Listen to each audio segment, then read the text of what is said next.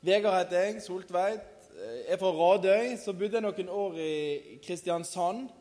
Der jobber jeg i Indremisjonsforbundet i Sørlandet krets. Og så var jeg på to bedehus egentlig der. Et som heter Frikstad bedehus, som jeg nettopp har bygd litt ut på, der det er litt vekkelse og sånn i øst. Så det er veldig kjekt. Og så var jeg i Finnsland bedehus. Og De ligger rundt Kristiansand, begge to. Og Der var jeg i fire og et halvt år. Og så har jeg jobba i Israelsmisjonen nå i, i to år og nå bor jeg i Bergen. Og så eh, Veldig kjekt å få være med her i Betnem i helga og ha eh, tema. Og det er litt sånn som Glenn sier, at eh, den bibelske liksom, hele utleggelsen den var i går. da. Så nå skal jeg ta noen punkt i dag. Så da får dere gå inn på podkasten og se. Fordi at når Paulus sier 'for jøde først', så ligger det en prioritet hos han òg. Og det var det vi så i går. Hvorfor er det viktig for han å gå med evangeliet til det jødiske folk? Hvorfor er det et først for Paulus, og ikke et nummer to eller nummer tre eller fire? Men han sier at dette er nummer én. Dette er et først for meg. Selv om jeg er hedningenes apostel, så er det et først for meg å gå med evangeliet til det jødiske folk. Og så var det vi så litt på i, i går. Og Så skal vi se litt i dag. altså Israel, hvilket ansvar har vi? Vi som er her, som ikke heter Paulus og ikke er fra Tarsus, har vi et ansvar. Har vi et ansvar overfor Israel, eller kan vi velge det vekk, eller er det for spesielt interesserte, eller hva ansvar ligger der? Og Det hadde jeg lyst til å, å ta fram, og det er blitt eh, stort for meg egentlig i det siste. Dette ansvaret, som egentlig er et privilegium, men òg et ansvar. Og så hadde jeg lyst til å begynne med han her. Og Det sier som heter oneforisrael.com, og den har Eller .org, er det vel. Og den har Er det ikke bilde der? Der kommer han. Jeg har lyst til å begynne med han her. da. Og Det er side som heter oneforisrael.org. og Der har de en del vitnesbyrd av jøder som er kommet til tro på, på Jesus.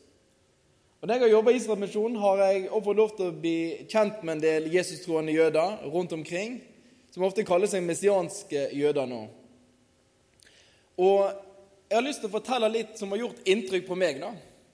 Hvordan de ser på kristendommen, ser på det nye testamentet, kanskje. Og Det er de vitnesbyrdene jeg har hørt om dem, som de fortalte før de kom til tro. Han her han forteller at han var helt overbevist om at Jesus han var en italiener. Og Det var ikke han alene om. Mange tenker det. Jesus han må være en italiener fra Italia. For det meste av det de kan om kristendom, det er den katolske kirka med paven i Roma. Og hvorfor skal det være hovedsete i Roma hvis Jesus ikke var italiensk? Vi kan le litt av det, men for dem det, ligger det der, da. Det er helt naturlig. Hvorfor skulle ikke det det? Og Det andre som mange sier, er at Det nye testamentet det tenker de på forhånd handler om julenissen, for det er de kristne opptatt av, og paven i Roma. Det er to sånne eksempler. og Det kan vi le litt av og tenke, men tenk at det er inntrykket mange jøder har. da. At Det nye testamentet handler om julenissen og om paven. Det er egentlig veldig alvorlig. da. For det første tror de at Jesus er italiener. Det syns jeg er alvorlig. Han var jo jøde, så veit de ikke det. Og det andre er at julenissen og paven er Det nye testamentet. Eh, en tredje punkt her er jo at mange tenker at Det nye testamentet det er kun for hedninger. Det er the gentiles, altså vi som ikke er jøders i bok. Så det har ingenting med deg å gjøre. Og det siste som er og alvorlig, kanskje mest alvorlig, det er at mange tenker at Det nye testamentet handler om jødeforfølgelse. Og, der, og, og det er nesten nå har jeg, kjenner jeg folk godt som trodde dette oppriktig før de kom til trua. Da Jeg blir overraska hver gang. Og så sa jeg til en Men hvorfor tror du det? Hvorfor tror du at Det nye testamentet handler om jødeforfølgelse? Det var helt urimelig, sa jeg. Og sa han til meg, 'Men hvorfor tenker du at det er urimelig, Vegard?' nå?» Og Så fortalte han meg litt om kirkehistorien og hvordan forholdet har vært mellom jøder og kirka. Der det har vært en del forfølgelse, diskriminering, antijudaisme og antisemittisme. Og så sier han at vi jøder vi, to, vi legger to og to sammen.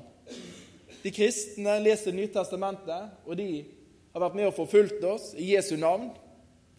Dermed må jo Det nye testamentet handle om det. Hvor har det det fra hvis ikke? Det er litt av inntrykket. Og da tenker Vi kan jo si til dem at jødene har et ansvar om å lese og sjekke opp sjøl, men her har vi òg et ansvar, faktisk. For å være med og dele trua vi har fått, på en sånn måte at det blir rett presentert. Jeg syns ikke det er greit at mange jøder går rundt og tenker at Jesus er italiener. Jeg vet ikke hva du tenker, men det er litt alvorlig, egentlig. Han som vi sang nettopp i sangen, han som er Messias, Israels Messias, han som Det gamle testamentet har sagt skulle komme, han er jødenes Messias. Han er jødenes konge, han er verdens redningsmann. Og da tenker jeg hva ansvar har vi? Det, det første er litt trist, men vi har et medansvar for kirkas forfølgelse og diskriminering. Og Jeg har lyst til å si noen punkt om det. og og dette er, Jeg er stolt lutheraner på mange måter, men det er noe av det Luther har sagt, som jeg mener har utrolig vondt å lese. Spesielt er det den boka han kom med i 1543, som heter 'Jødene og deres løgner' En av de siste bøkene Martin Luther kom med. Og Nå har jeg et par sitat fra den boka. Og hør nå. Ved siden av djevelen har den kristne ingen fiende som er så giftig, så desperat, så bitter som den ekte jøde. Jødene står under Guds vrede og er djevelens barn, hevngjerrige og morderiske. Deres skoler og synagoger bør derfor brennes, deres hus rives, de bør frata sine skrifter, forbys å drive undervisning og plasseres i leirer. Det er ganske sterkt sagt. Og jeg tenker Når vi kommer og skal møte jøder rundt om i verden og sier ja, vi hører til en lutherkirke, og sånn, så har de dette med seg. Dette er en forståelse av kirka sin arv. Og der har vi faktisk et medansvar. Dette er ikke bare typisk for Martin Luther at han var en av mange. Dette er egentlig representativt for samtida. Var det noe galt som skjedde i Europa, så fikk jødene skylda. Var vannet forgiftet eller forurenset, så var det jødene sin feil. De måtte leve i egne gettoer eller egne deler av byen. Og Det var mange jobber de ble nekta å få. Til slutt var det kun bank de kunne drive med. Og så fikk de det ryktet på seg at de var gjerrige og pengegriske. et medansvar for dette. Jeg kjenner jeg blir litt flau inni meg av dette. Jeg vet ikke hva du blir. Ved siden av djevelen har den kristne ingen fiende som er så giftig, desperat og bitter som den ekte jøde. Og videre. De står under Guds fred og er djevelens barn. Vi har også, Dette er altså fra Wittenberg, samme by som Martin Luther bodde i. Men dette er et par hundre år før Martin Luther levde. Og Den ble reist, den viste jeg i går òg, det heter Jodensau. Og Da fant de altså ut på 1300-tallet at nå skal de pynte kirka. Og Dette er representativt for masse av middelalderens kirkekunst. Når de skulle pynte kirkebyggene i Europa. Så lagde de ofte disse her som er veldig antijudaistiske, nesten jeg vil si antisemittiske òg. Dette er bilde av en gris, som er et ureint dyr for jødene. Med en jødisk rabbiner som løfter opp eh, foten bak og så ser inni. Og det skal jo symbolisere at sånn som rabbineren leser, og sånn som de tenker, og sånn som de er, så kunne de like godt sett inn bak en gris. Og under så har de altså lagt jøder med kippa på hodet som suger melk ut. Og over så står Guds navn på hebraisk, sånn som jødene uttalte det. Og Dette er ikke unikt. Det er masse kirkekunst som har vært sånn i Europa. og Den henger fortsatt i Wittenberg. Og Det var en stor aksjon i 2017 om den skulle tas vekk. Eh, hvordan skulle si unnskyld for dette i reformasjonsåret osv. Men den henger der ennå, da. Eh, og jeg tenker Hvis jeg hadde vært jøde i, på 1300-tallet og bodd i Wittenberg, så hadde jeg tenkt at inn her, i fellesskap med disse, er jeg ikke velkommen. Dette er jo et tydelig signal ha deg vekk. Jeg hadde ikke kommet inn og feira gudstjeneste i lag med dem.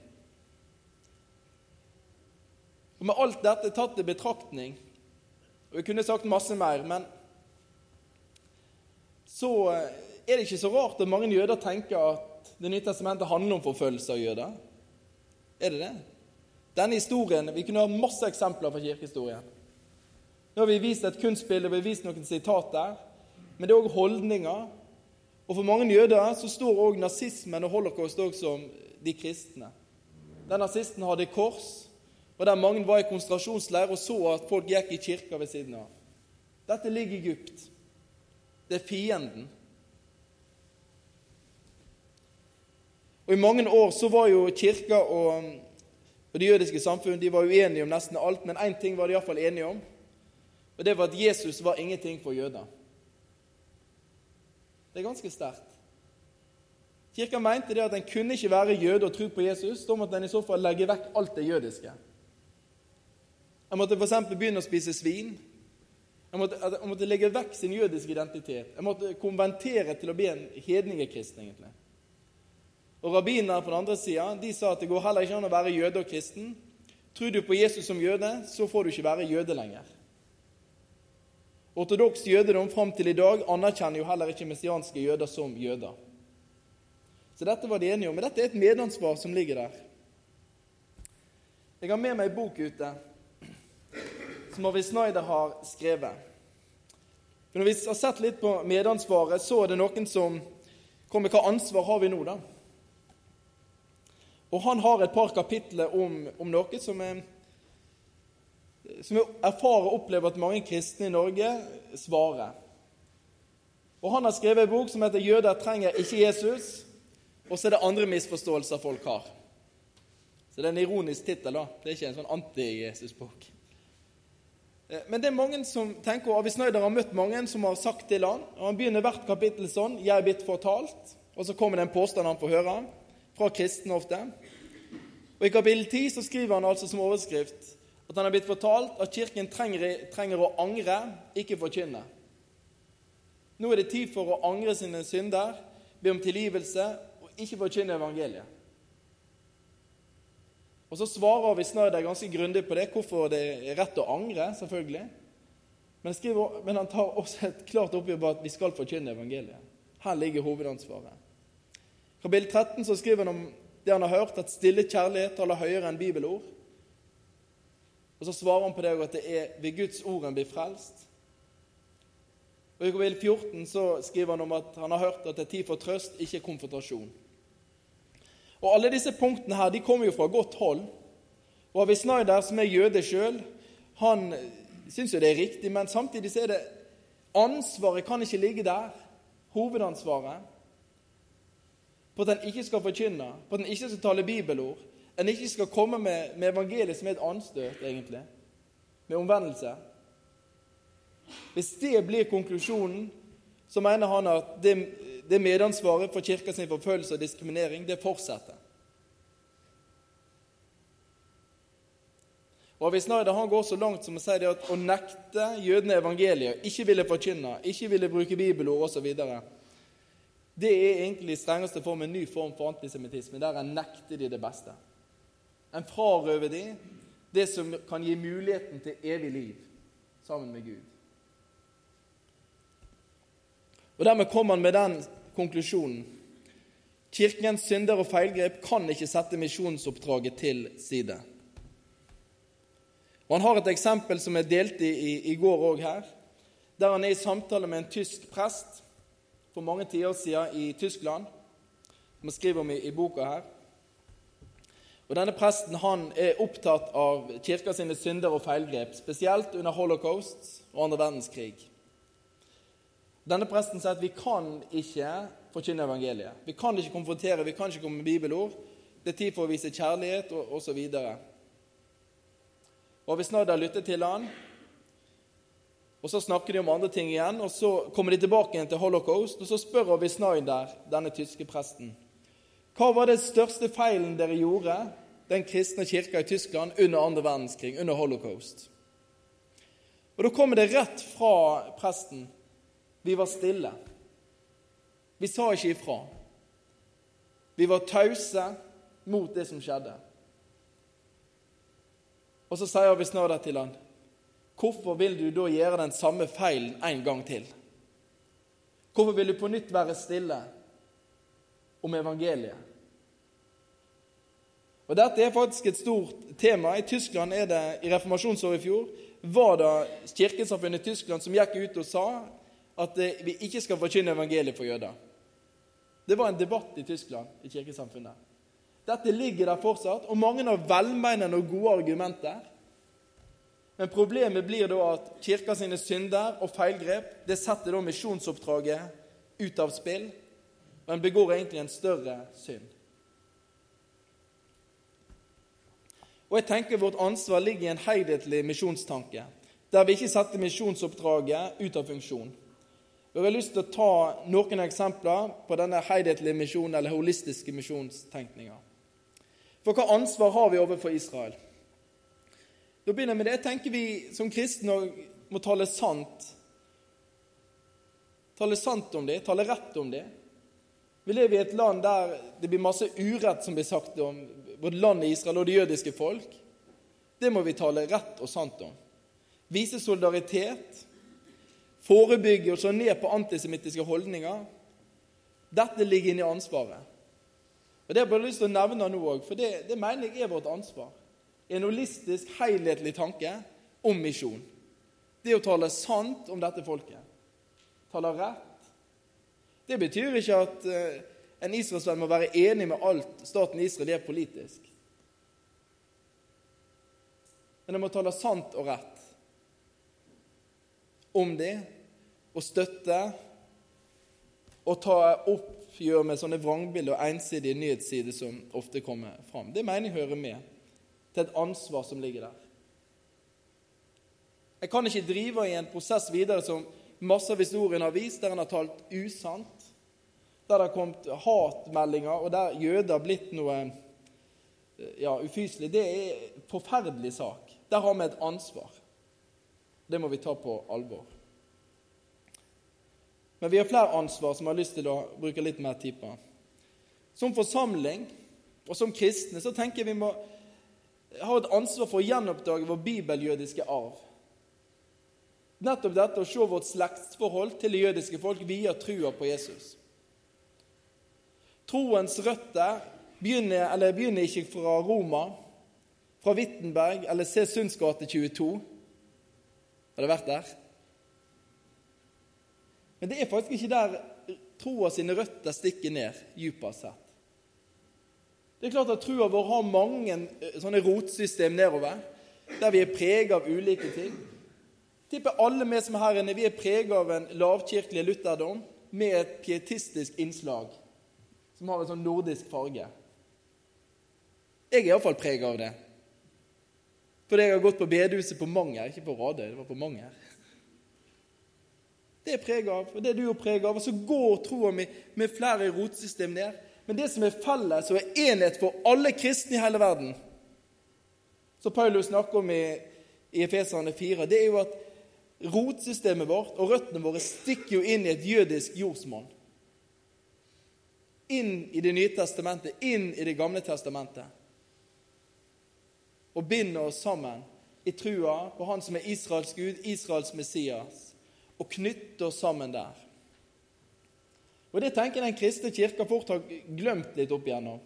Nettopp dette slektsforholdet som ligger til det jødiske folk, som ligger til Israel. En har tenkt det, og at Det nye testamentet det er jo, den er jo skrevet på gresk til og med. Det må jo være vår bok. Men sannheten er at Det nye testamentet er minst like jødisk som Det gamle testamentet. Ja, kanskje nesten mer. For det er skrevet i en tid altså, der jødedommen står veldig sterkt, og der de som skriver Det nye testamentet, er dypt inne i det jødiske.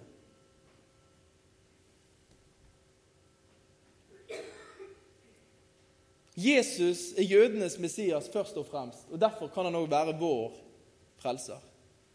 Hvis ikke Jesus er den Det gamle testamentet og profeten har sagt skulle komme, hvis det er feil, hvis Jesus ikke er jødenes Messias og jødenes konge, så er han ikke vår frelser heller. Og da er vi fortapt. Det å gjenoppdage dette, gjenoppdage høytidene Se på både påske, pinse og gjerne løvetefest òg i en sånn helbibelsk sammenheng. Helt fra Mosebøkene og fram gjennom hele Bibelen, inn i Nye testamentet og inn i Johannes' åpenbaring. Det ligger noen enorme linjer der som jeg kan være med å gjenoppdage.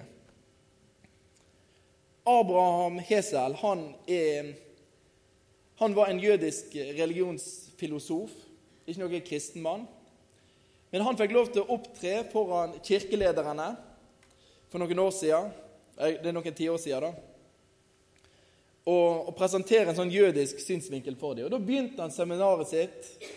Han sa det ikke på norsk, da, men dette er oversatt. Har Den kristne kirke glemt hvordan Det nye testamentet begynner? Dette er ettertavlen til Jesus Kristus, Davids sønn, Abrahams sønn. Og så fortsetter han seminaret sitt. Har Den kristne kirka glemt røttene sine? Har han glemt hvor trua sine røtter stikker ned? Her tenker vi har et ansvar, ikke bare overfor Israel, men overfor oss sjøl òg. Gjenoppdage noe av det vi har fått del av. Noe av det rotsystemet vi har fått eh, blitt poda innpå, som Paulus skriver i Romerbrevet 11. Og fått sevje fra rota sammen med deg. Og Det gjør noe med vårt bibelsyn. Det gjør noe med vårt syn på Israel og det jødiske folk. For min del så har jeg fått en utrolig takknemlighet fra evangeliet. For det Paulus skriver i Efeserbrevet, er jo at før jeg som hedning jeg var utenfor borgerretten i Israel, utenfor løftene, utenfor pakten, uten Gud, uten Kristus, uten håp i verden. Men nå, i Kristus Jesus, er jeg som var langt borte, kommet nær pga. Jesu Kristi blod. Det er stort. Og Så skriver han videre i Efeserbrevet at jeg blir regnet som Guds familie. Jeg er blitt medborger jeg kan få del i pakten og løftene. Samme kropp, samme arv i Kristus Jesus. Han har forsont verden med seg. Og disse to folkene, det jødiske og det hedningene, har han forsont til ett. Og vi har adgang til Far i samme ånd. Det er noen dype røtter som binder sammen. Og For Paulus er det så stort når han snakker om dette utvida gudsfolk, og hvordan hedninger blir poda inn at to ganger når han skriver om det, så sier han 'derfor bøyer mine kne for far'. Dette er enormt. Han har revet ned muren som skilte, og det er åpent inn til Gud for alle. Og så skriver han i Efeserbrevet dere er medborgere og Guds familie. Og vi, til og med jeg, er bygd opp på apostlene og profetenes grunnvoll med Kristus Jesus selv som hjørnestein. Det betyr at min tru den har noen røtter tilbake igjen til Paulus, og enda videre bak til profetene. Jeg syns det er sterkt. Jeg. jeg er blitt fri fra det tomme livet jeg overtok fra mine fedre for lenge lenge siden, da, med Odin og Thor og alt mulig. Så jeg er blitt poda inn på et godt tre, inn med disse. Og jeg tilhører deg. Jeg er blitt Guds familie. Dette er en del av det rotsystemet som ligger der, og som jeg tenker vi har et ansvar for å gjenoppdage vår bibeljødiske arv. Når Paulus skriver om dette i Romerbrevet, kapittel 11, så skriver han at den nåden som kom Når, Når Israel fornekter evangeliet, så kom altså frelsen ut til oss. Og så spør han falt Israel for at de skulle falle. Nei, slett ikke. Men frelsen kom ut til folkeslagene, sånn at jødene skulle bli misunnelige på dem og vende om igjen til Gud. Sånn ser Paulus på det. Og I løpet av kirkehistorien, med disse bildene jeg hadde til å begynne med, så tenker jeg at en har ikke klart å provosere en misunnelse som skaper omvendelseslyst i de jødiske folk til å tro på Gud, men en har skapt en provosering som skubber de vekk. Og Det tror jeg har masse med å gjøre at en ikke har tatt på alvor den bibeljødiske arven. Så jeg har lyst til å avslutte med dette. Vi har et ansvar med å dele evangeliet med deg. Og evangeliet, det er jo Guds vei til frelse for det jødiske folk. Og Det som er det store i Det nye testamentet, og som Paulus blir helt overraska Peter liksom, de tar helt av, det er jo at denne frelsesveien er òg for alle andre. Gud gir ikke forskjell på folk. Så i løpet av eh, århundrene som har gått, så har han snudd det der på hodet. da. Men i begynnelsen så var det jo Det er jo helt sant. Gud han rettferdiggjør både omskårne ved tro og hedninger ved samme tro. Guds frelsesvei for vårt folk er jo Guds frelsesvei for alle folk. Derfor må evangeliet forkynnes for deg.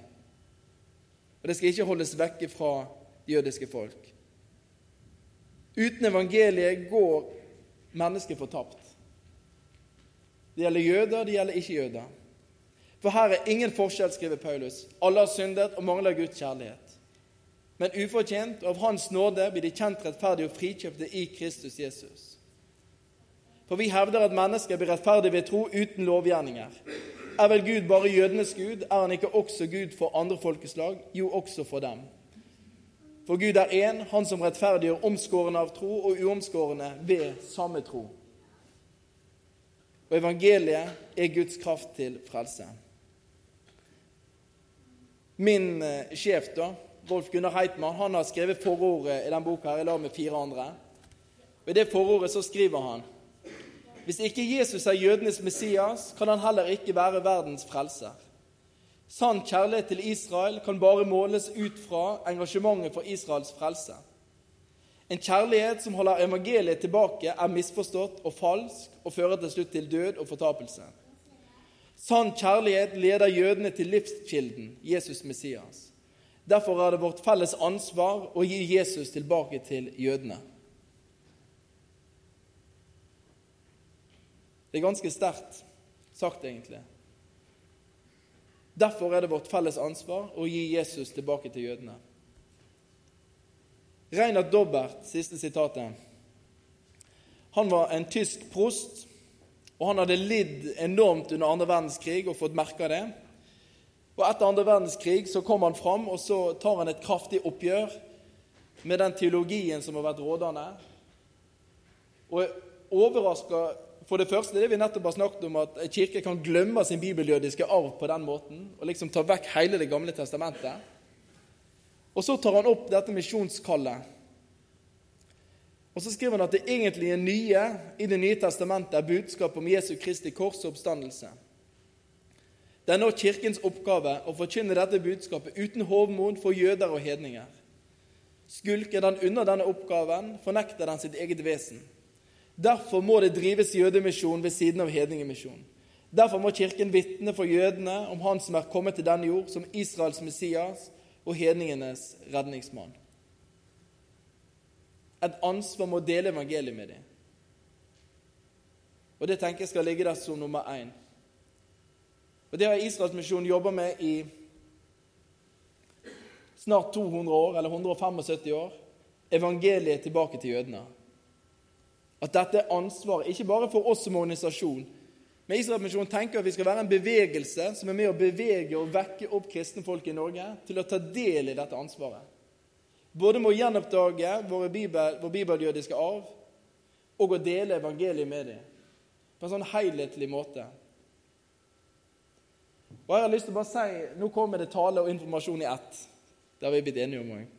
Så nå går vi litt over det. Men det vi Israelsmisjonen har holdt på med, som jeg blir stolt over å være med på, er dette her fra 1844. Og I dag så ser arbeidet sånn ut, hvis vi skal illustrere det i et bilde. Vårt misjonsarbeid og måten vi gir evangeliet tilbake til jødene på, det har fire hovedgreiner. Hovedområdet, og så er det en del prosjekter innenfor hver grein. Den første er dette med solidaritetsarbeid. Vi mener det er viktig både å forkynne den bibeljødiske arven vi har, disse heilbibelske linjene, slektsforholdet vi har til det jødiske folk, den jødiske Jesus osv. Vi mener det er viktig å, med holdningsarbeid overfor antisemittiske holdninger som er reisende både i Europa og i Norge òg. Der må de ha en stemme inn. Og en skal vekke kristenfolket til det ansvaret det er med å gi evangeliet tilbake til jødene. Det er den største solidaritetshandlingen en kan gjøre. Så har vi et stort diakoniarbeid både i Øst-Europa og i Israel som hjelper de aller svakeste med husbesøk. Vi har et aldershjem. Vi har et hjelpesenter der folk som har opplevd vold i heimen, eh, vanskelig trakassering, seksuelle overgrep osv., kan komme der i Jerusalem. Vi har et diakoniarbeid som er viktig for vårt misjonsarbeid. Så har vi et fred- og forsoningsarbeid som vi kaller for Bridge Builders der vi samler palestinske kristne, Jesus-troende jøder og kristne nordmenn.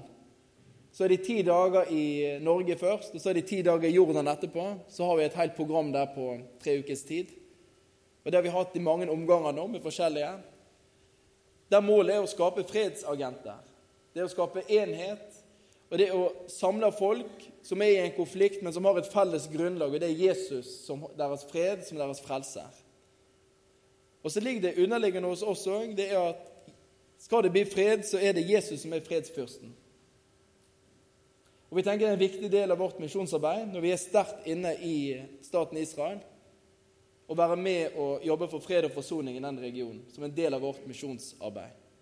Og så syns jeg det er sterkt å se at palestinske kristne, arabiske kristne, Jesus-troende jøder etter de har vært på bridgebildet, kan sende meldinger til hverandre på Facebook og spørre kan jeg be for deg. Og så veit på en måte den palestineren at du som er en jøde, du må sende din bror inn på Vestbredden nå i krig. Og likevel kan jeg be for at det går bra med han, at ikke han blir drept. Det er jo enormt stort. Og så ber de for hverandre på begge sider. Nå er det uroligheter i Gaza, folk blir skutt. Kan jeg få lov til å be for deg som er på den sida, at det må gå bra med din familie? Så bygger en en enhet, så bygger en et bønnefellesskap i lag. Og så Det store målet er jo at sammen kan det være med å bre ut evangeliet til en region i verden som trenger det sårt. Og Jeg syns det er et utrolig sterkt vitnesbyrd å se de står sammen i bønn og i forkynnelse av evangeliet. Det siste greina vår handler om disippelskap, der vi har kirkebygg, vi har gudstjeneste, evangelister, et studiesenter som altså går ut på gate, som inviterer til gudstjeneste, har spørreundersøkelser og er et bindeledd òg, og, og, og lage materiell for den messianske bevegelse som er i Israel. Både søndagsskolemateriell, men de kaller det for sabbatskole, da, og er med å utruste på den måten. Og alt dette er en del av vårt misjonsarbeid. Sånn driver vi misjon. Og så er det forskjellige prosjekter innenfor her med, med hus og sånn.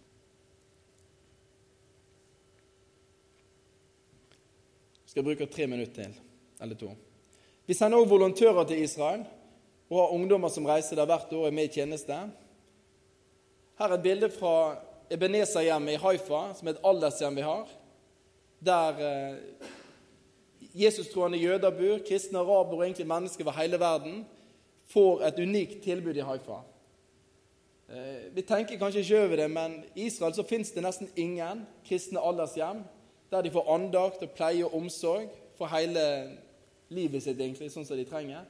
Ebenezer-hjemmet er ett av de få. Og Det begynte egentlig som et aldershjem for holocaust-overlevende, Jesus-troende jøder. Og det er det fortsatt, men nå er det òg andre som, som, bor der. Det er viktig, viktig aldershjem i, Israel. Vi har òg arbeid i Øst-Europa. Her for en evangeliseringskampanje der. Spesielt sammen med organisasjonen Juice for Jesus, som er jøder som tror på Jesus, som driver et stort evangeliseringsarbeid i Øst-Europa. Der de deler ut hundrevis av tusen av traktater på gata, får kontakt med masse mennesker og får delt evangeliet. Det skjer noe utrolig stort der. Og De hadde nettopp en kjempestor kampanje i Jerusalem i mai. En måned med 200 misjonærer inn i Jerusalem. Der de var rundt og hadde delt opp i ulike team og prega hele byen. Jeg syns det er stort å være med på. Og det skjer noe i Israel nå. Det er ikke mange som er messianske jøder der, men det begynner å, å skje noe. I år så diskuterte en f.eks.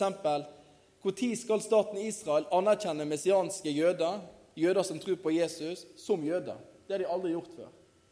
Nå begynner de å diskutere det i ortodoks jødedom i staten Israel. Skal jeg akseptere det? At det fins én retning innenfor jødedommen til? Og Vår misjonærutsending Elisabeth Levi hun er i Jerusalem og har vært i kontakt med en ultraortodoks rabbiner som bor i et område som heter Mia Sherim, som er det mest ultraortodokse området du, du finner på, på, jorda, egentlig.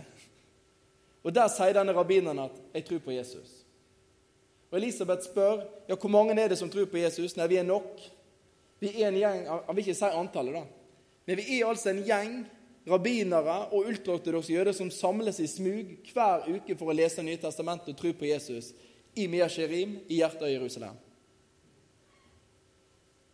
Og tida mener de ikke er moden ennå for å stå fram, men det skal det. Men dette er en del av det som skjer nå, da.